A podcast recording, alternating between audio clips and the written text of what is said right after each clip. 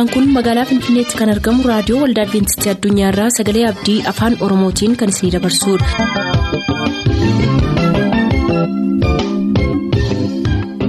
raadiyoo keessan banattaniin kan sagantaa keenya ordofaa jirtan maraan nagaan keenya sinaa qaqqabu akkam jirtu dhaggeeffattoota keenya sagantaa keenyaarraas kan jalqabnu sagantaa macaafni qulqulluu maal jedhaanidha turtii gaarii.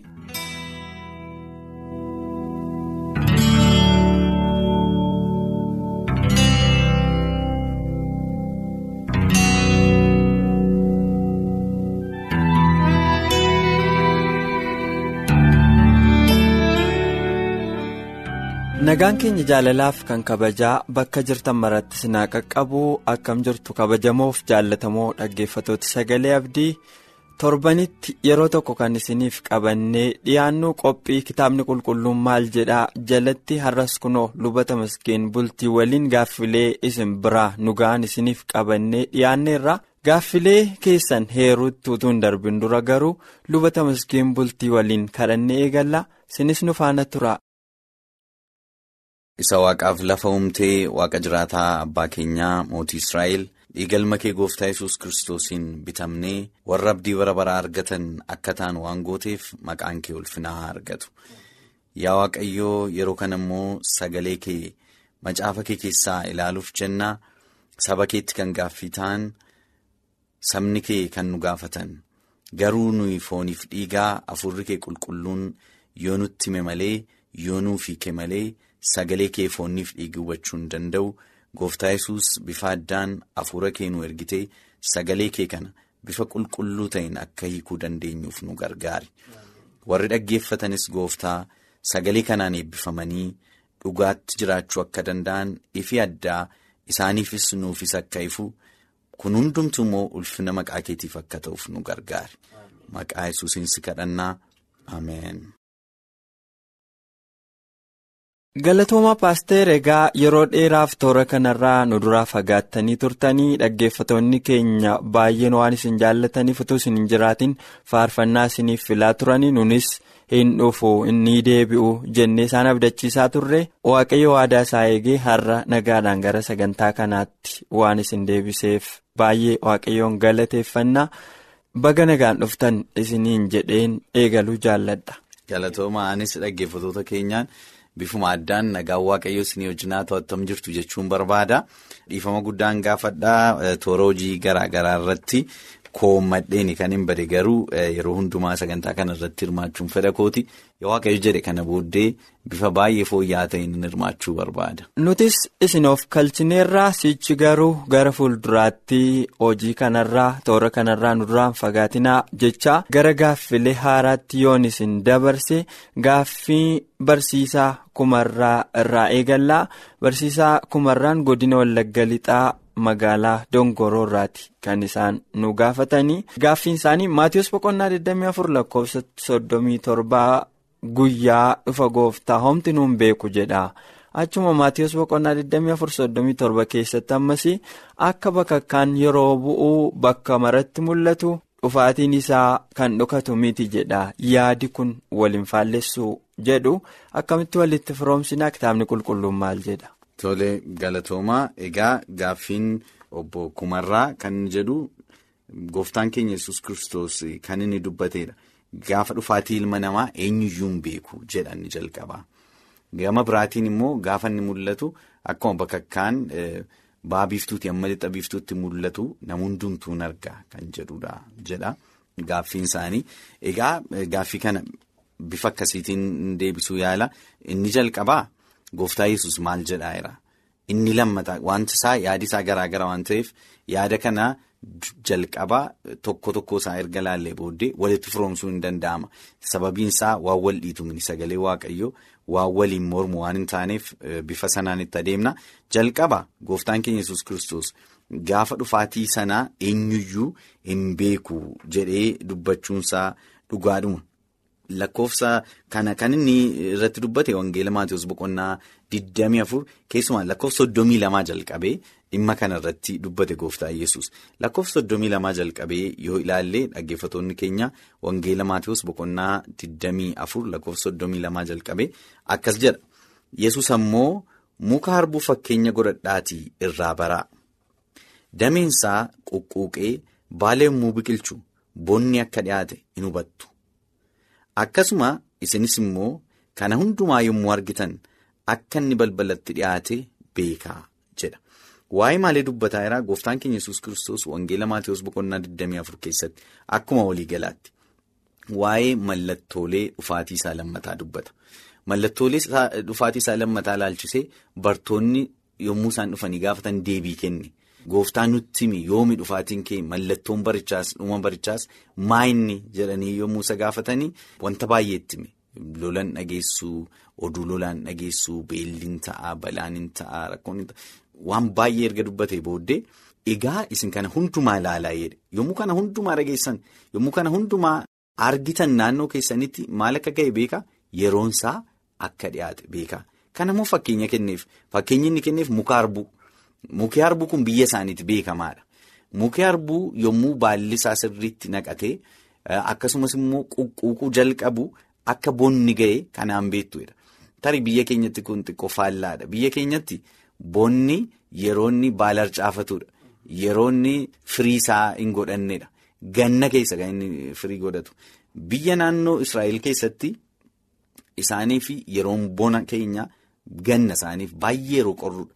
Baay'ee qorra sana keessa maaltu ta'a? Qorra sana keessa mukni akka harbuu faa'uun baala isaanii guutummaadhumatti ofirraa harcaasu. Achi booddee yeroo maaliitu dhufaa? Yeroo. Spring afaan Ingiliffaan jedhamu biyya keenyatti yeroo abaaboon abaabu birraa akka birraa ta'a.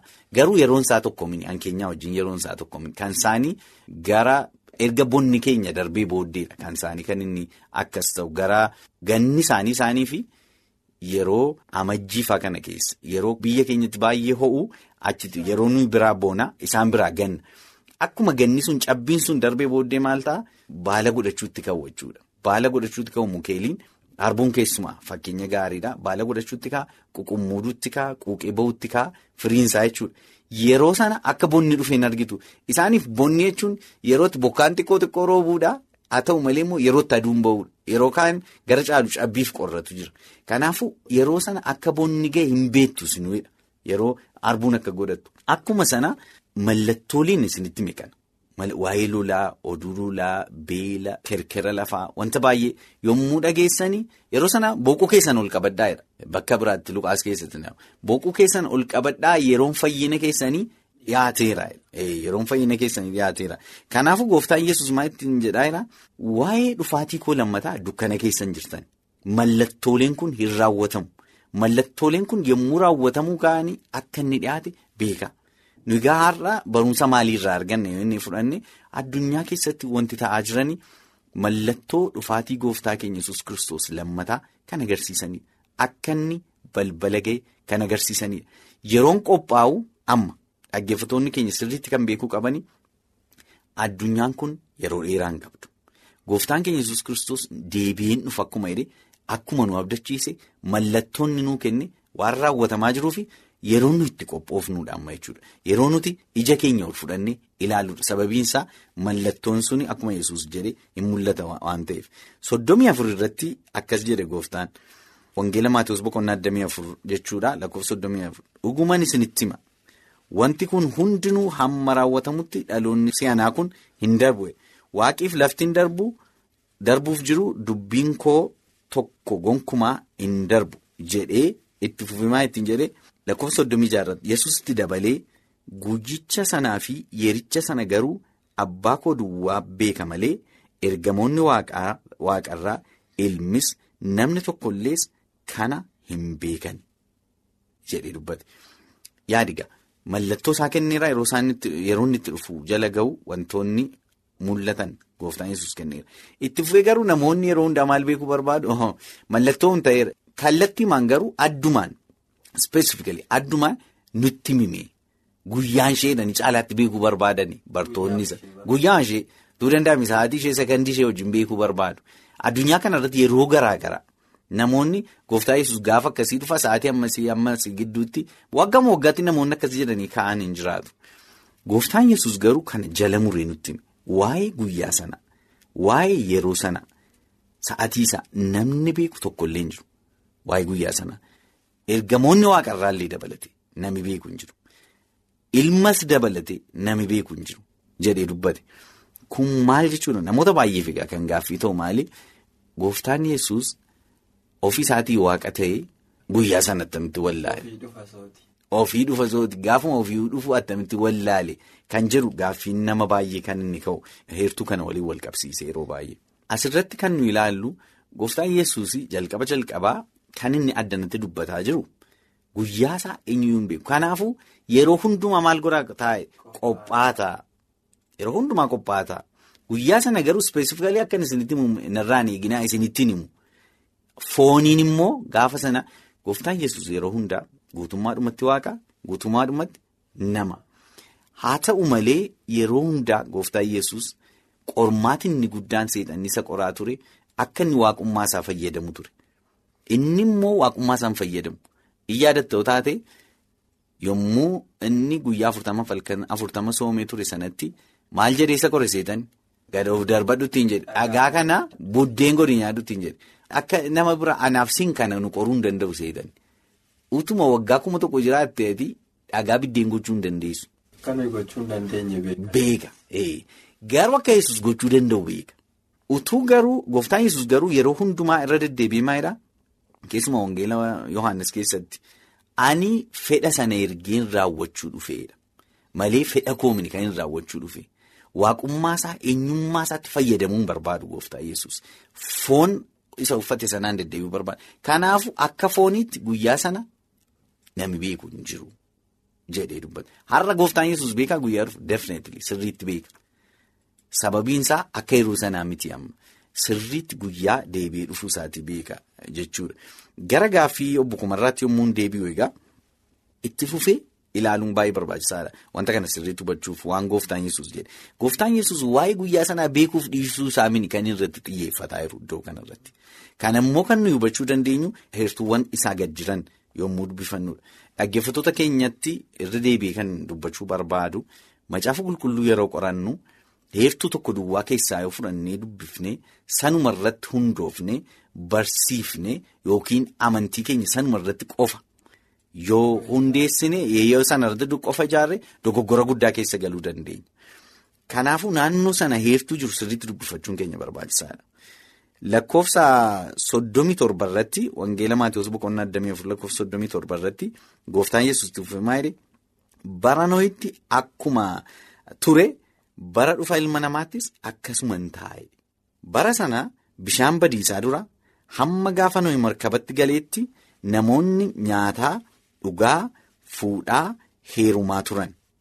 Isaan hamma gaafa bishaan badiisaa dhufee hunduma isaanii haree sokkeetti utuu hin beekin akka turan bara dhufa ilma namaattis akkasuma hin taa'e. Kanaafuu bakka kanatti gooftaan yesus kiristoos kan inni dubbataa jiru waa'ee sa'aatii isaa ani beekaaf ani hin beekuu utuu hin taane kan inni dubbataa jiru maal jedhaa jira gaafa sana yeroo isaa namni hin beeku akka hattuutti isinitti dhufeera gajjallaatti sirriitti yoo gadi buunee ilaale guyyaan sun akka ittamitti dhufa akka hattuutti dhufa kana beekuu qaba nama hundumtu kana akeekkachiisa guddaatiin labsuu qabna akka dhuunfaatti tokkoon tokkoon keenya guyyaa dhufaatii gooftaa keenya yesus kiristoosiif qophaa'uu qabna. Dhaggeeffattoonni keenya wanti beekuu qabnu nus dabalatee maali? Gooftaan yesus waggaa kudhanarraa isa dhufu, waggaa digdamarraa isa dhufu, waggaa shantamarraa isa dhufu, waggaa kumarraa isa dhufu. Dafee dhufa inni amannaa, dhufaatiinsaa jala gaheera inni amannaa, kan immoo calluma inni foon keenyaan utuu hin taane mallattoo gooftaan keenya yesus kiristoos nuuf kenne yommuu ilaallu dhuguma jala gaheera dhufaatiinsa.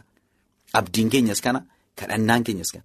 Haa ta'u malee gooftaan yesus dhufaatiinsaa yeroo nuyi eenyu gidduutti hin ta'u yoo ta'es waaqayyoof haa galatu sababiinsaa yeroo keenyatti mini kan inni dhufu yeroo ofiisaatti dhufu. Maayidha macaafni qulqulluun Pheexroos keessatti akka namoonni warri kaanis gara qalbii jijjiirannaa deebi'aniif in obsa malee akka namoonni se'anitti inni in turu jedha dhufaatiin gooftaa keenyaan turuudha. Haa ta'u malee waggaa meeqa jiraanna nuyi lafa kanarra? Balaatiin guyyaa tokkotti darbuun hin danda'amu. Har'a du'uu nan danda'a. Waggaa har'aa du'uu nan danda'a. Waggaa kudhanarraa du'uu nan danda'a. Kana gidduutti egaa ani qophaa'ee yeroo hundumaa hariiroon gooftaa koo yesus kiristoosii wajjin qabaadhu. Sirreeffadheen jiraadhu ta'ee innaan yeroo fedhettuu yoo du'e gooftaan anaaf yeruma sana dhufe jechuudha. Garuu gaafuma sanan samiitti gala jechuun namni du'e waan tokko waan hin beekneef irribuma keessa waan jiruuf gaafa gooftaan mul'atu anamman du'e jechuun amma wanaa dhufe jechuudha sababiin isaa ittaansee wanti hin beeku mul'achuu gooftaa qofa waan ta'eef. Kanaafuu bakka kanatti gooftaan keenya yesus kristos irra deddeebi'ee kan inni dubbataa jiru fakkeenya garaa garaatiin kan inni jedhaa jiru akka hattuun dhufa. Iddoo lakkoofsa gara afurtamii saddeetiitti yoo dhannee ilaalle garuu hojjetaa hamaan sun yaada isaa keessatti gooftaan koo in tura in jedha taa'e. Gooftaan koo in tura kan jedhu hojjetaan jira. Fakkeenya fudhateeti gooftaan tokko iddoo tokko deemuutiif yeroo ka'u hojjetaa isaatti akka hojjetoota isaa warra kaan nyaachisuu fi itti gaafatamummaatti kennee adeema. Inni amanamaan gooftaan koo. Har'as dhufuu danda'a, boris dhufuu danda'a, iftaanis dhufuu danda'a, waggaa irraas anaaf rakkoo koo mitiidha. Hojii natti kenname amanamummaatiin eegee hojjedhee eeguun narra jiraadha. Haa ta'u malee gama kan biraan immoo hojjetaan inni immoo dhibaan immoo maalidhaa gooftaan koo dhiyootti hin dhufu hin tura jedhee yaada. Barsiisi gooftaan yesus bakka kanatti barsiisaa jiru inni guddaan wangeela Maatiyus boqonnaa 24 lakkoofsa 32 jalqabee hamma lakkoofsa 51 irratti kan inni barsiisu guyyaan dhufaatii ilma namaa innis guyyaan dhufaatii gooftaa keenya yesus kristos jechuudha akka hattuutti ta'a. Utuus waan hundumtuu nagaadha jettanii samiirraa mul'ata. Kanaafuu guyyaama guyyaatti qophaa'aa ta'a kan jedhudha. Gara gaaffiisa kallattii biraatiin gaafatameetiin immoo lakkoofsa 27tti deebi'uu barbaada. Wangeela Maatiyus boqonnaa 27 lakkoofsa 27 lakkoofsa 26 wajjin walitti qabnee yoo dubbifne gaarii natti fakkaata akkas jirra sagalee waaqayyoo. Kanaafis kunoo lafa onaa keessa jira yoo isiniin jedhan gad hin bayinaa. Kunoo mana keessa gola jira yoo isiniin jedhanis hin amanina. Akka bakakkaan ba'a biiftuutii ba'u. Hamma lixa biiftuutti ibsu dhufni ilma namaas akkasuma hin ta'a jedha gooftaa yesus Bakka kanatti maal jechuu isaati? Namoonni baay'een gooftaan dhokatee dhufa jedhanii yaadu. Kun barumsa dogoggoraati. Fakkeenyaaf Finfinnee keessatti mul'ata gooftaan jedhanii yaadu yookiin Hararitti yookiin Wallaggatti. Yookiin mooyaaleetti mul'ata. Jedhanii yoo barsiisa akkasii dogoggora. Gaafa gooftaan yesus dhufu dhoksaatiin hin dhufu. Ija hundumatu arga jedhamani warra waraanan illee dabalateedha mul'ata Yohaannis boqonnaa tokko keessatti. Warra waraanan illee dabalatee ija hundumatu dhufaatii isaa argaedha. Kanaaf gooftaan yesus gaafa dhufu warra Ameerikaa jiranis warra Awurooppaa jiranis warri Iisiyaa jiranis warra Afrikaa keessa jiranis hundumti keenya. Wal faana dhufaatii gooftaa yesus arginaadha. Utuu haasofnu yeroo ammaa fakkeenyaaf namoonni biyya Raashaatti, Awustiraaliyaatti, Ameerikaatti namoonni nu yesus jechaa jiran duuka buutota miliyoonaan lakkaa'aman kan horataa jiran miidiyaalee garaa garaarra baay'ataniiru tarii gooftaan yesus bara sanarra taa'ee waa'ee bara keenya kanaa argee laata jedhee yaada. Sirriidha. Sirriidha galatoom girmaa'e akkuma jettee. Gooftaan kanaaf kan inni dursee nu akeekkachiise jechuudha. Hundumtu ani yesuus yesuus meeqa ta'a yookiin immoo akkamittiin dhuftee iddoo akkasitti dhufe waa'ee hojjechuun dhufe warra kaan bira moo ganaan gaa sichiin fuulduratti gaa jedhaniiti yeroo baay'ee kan duuka buutota himatan yookiin horatan bakka kanatti akkumatti jettee kanaaf gooftaan yesus gaafa nufu iddoo akkasitti dhufe iddoo akkasitti dhufe otoo hin taane. Akkuma ba'a biiftuuti yommuu bakka kaan bu'u yookiin balaqqeen balaqqeessa'u hamma lixa biiftuutti mul'atu. Keessumaa halkan namni bahee dhaabbatee ilaale inni achitti mul'ate gara sanatti darbee mul'ata. Sababiin isaa ifni iddoo fagoo deema waan ta'eef.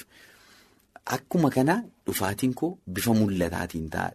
Egaa obbo Kumarraan addanatti gaafa isaan gaafatan wanti kun waliin dhiituu kan jedhu gaafatan waliin dhiitu inni jalqabaa guyyaan dhufu nami beeku hin jirudha. Inni lammataa immoo gaafa dhufu garuu dhossaatiin hin dhufuudha. Sababiin isaa gaafa dhufu nama hundumatu dhufaatii koo argaadha. Ija hundumatu na arga gaafa dhufu kan jedhudha. Hin gowwoomfamina.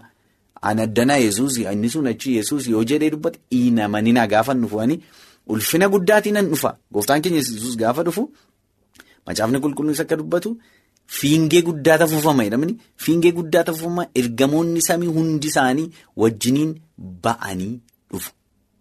Ulfina guddaati. Gaafa sana ija hundumaa ta'a. Ijoon uumama lubbuu hin qabne wal gadhiisaa jedha. Kanaafuu humna guddaadhaan dhufa jechuudha. Humna guddaa. Lafti raafamadha. Samiin kun maal ta'a? Hin maramadha. Gaafa sana ta'umsa guddaatu ta'a. Malee wanta naannoo tokkotti yookiin ganda tokkotti ta'u miti jechuudha. Yoo akkas ta'e paaster guyyaa sana jala muree dubbachuu dhiisuunsaa yookiin guyyaa sana jala muree nutti immoo dhiisuunsaa nu fayyade moo nu miidhaa jennu. Baay'ee gaaffii gaariidha. Bu'aadha jedheen ilaalan. Sababiin isaa fakkeenya yoo fudhanne gooftaan yesus kiristoos bara har'aa jalqabee waggaa dhibba lama booddee dhufa yoo ta'e waggaa dhibba lamarraa dhufa utuu ta'e amma sana tura innee namannu dhiyootti dhufa garuu waggaa dhibba lamarraa dhufa yoo ta'e yaadi ati waan itti yaaddu bara keessa waan hin dhufneefi heeruman dulloomuu waan ta'e goggodhee iddoo koo jala qalbii jijjiirradhaa rakkoon qabu jettee yaadda. Amma garuu gaafa inni dhufu waan hin beekneef yeroo hundaa qopheetiin jiraatta. Kun immoo jireenya fuula keenyaa baay'ee akka inni fooyya'u godha. Sana qofa utuu hin taane wangeela kana jabaannee akka lallabnu godha. Sababiin guyyaa gooftaan dhufu hin. Utuu garuu waggaa kuma lama booddee dhufa yookiin waggaa dhibba tokko booddee dhufa ta'uu isaa beenna taane shuuriidha taane guyyaa isaa beenna taane ariitiitiin wangeela kana lallabuu hin dandeenyu. Ofii keenyaas immoo hin dhiboofna. Seexanni gidduutti nu buta jechuudha. Akkuma barataani barumsi qormaan guyyuma anytime har'as boris barsiisaan na qoruu danda'a guyyaa guyyaatti barataan qoratuu fi barataan ji'a tokko booddeedha qormaatnoo jedhee sutuma hidhee calluma hidhee taa'u garaagara. Kanaafuu guyyaa hundumaa qophaa'edha. Kun immoo jireenya fuuraa keenyaaf nu fayyada. Guyyaa hundaatti akka kadhannu, guyyaa hundaatti sagalee isaatti akka qophoofnu, guyyaa hundaatti akka lallabnu nu kakaasa. Guyyaa dhufaatii isaa beekuu dhiisuun keenya. Egaa jaallatamoo dhaggeeffatoota keenyaa turtii hamma yoonaatti sagantaa keenya waliin gootaniin hedduu akka eebbifamtan abdii guutuu qabna. Gaaffiin barsiisaa kumarraa of ga'aa kanafu torbee isiniif kutaa ittaanu jalatti isiniif dhiyeessina. Ammasitti nagaan gooftaa bakka jirtan maratti isiniif baay'atu nagaan nuuf tura.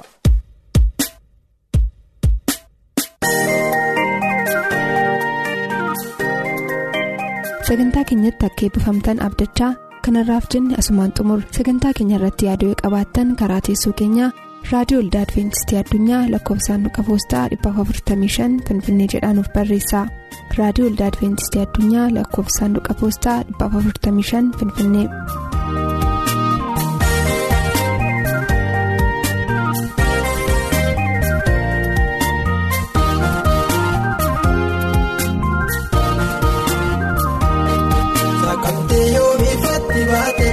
Sommaa keenya Effeechee barootaan namni cheeffamee hawwan madaalamnee samaayii deemuutti lubbuu keenya maranaa ta'ulee nu yaadatumee alangaan rakkinaas nu miidheera jabaannee nu kaana akka bitobsinaa dhimni mindaa badaasa tolootaaf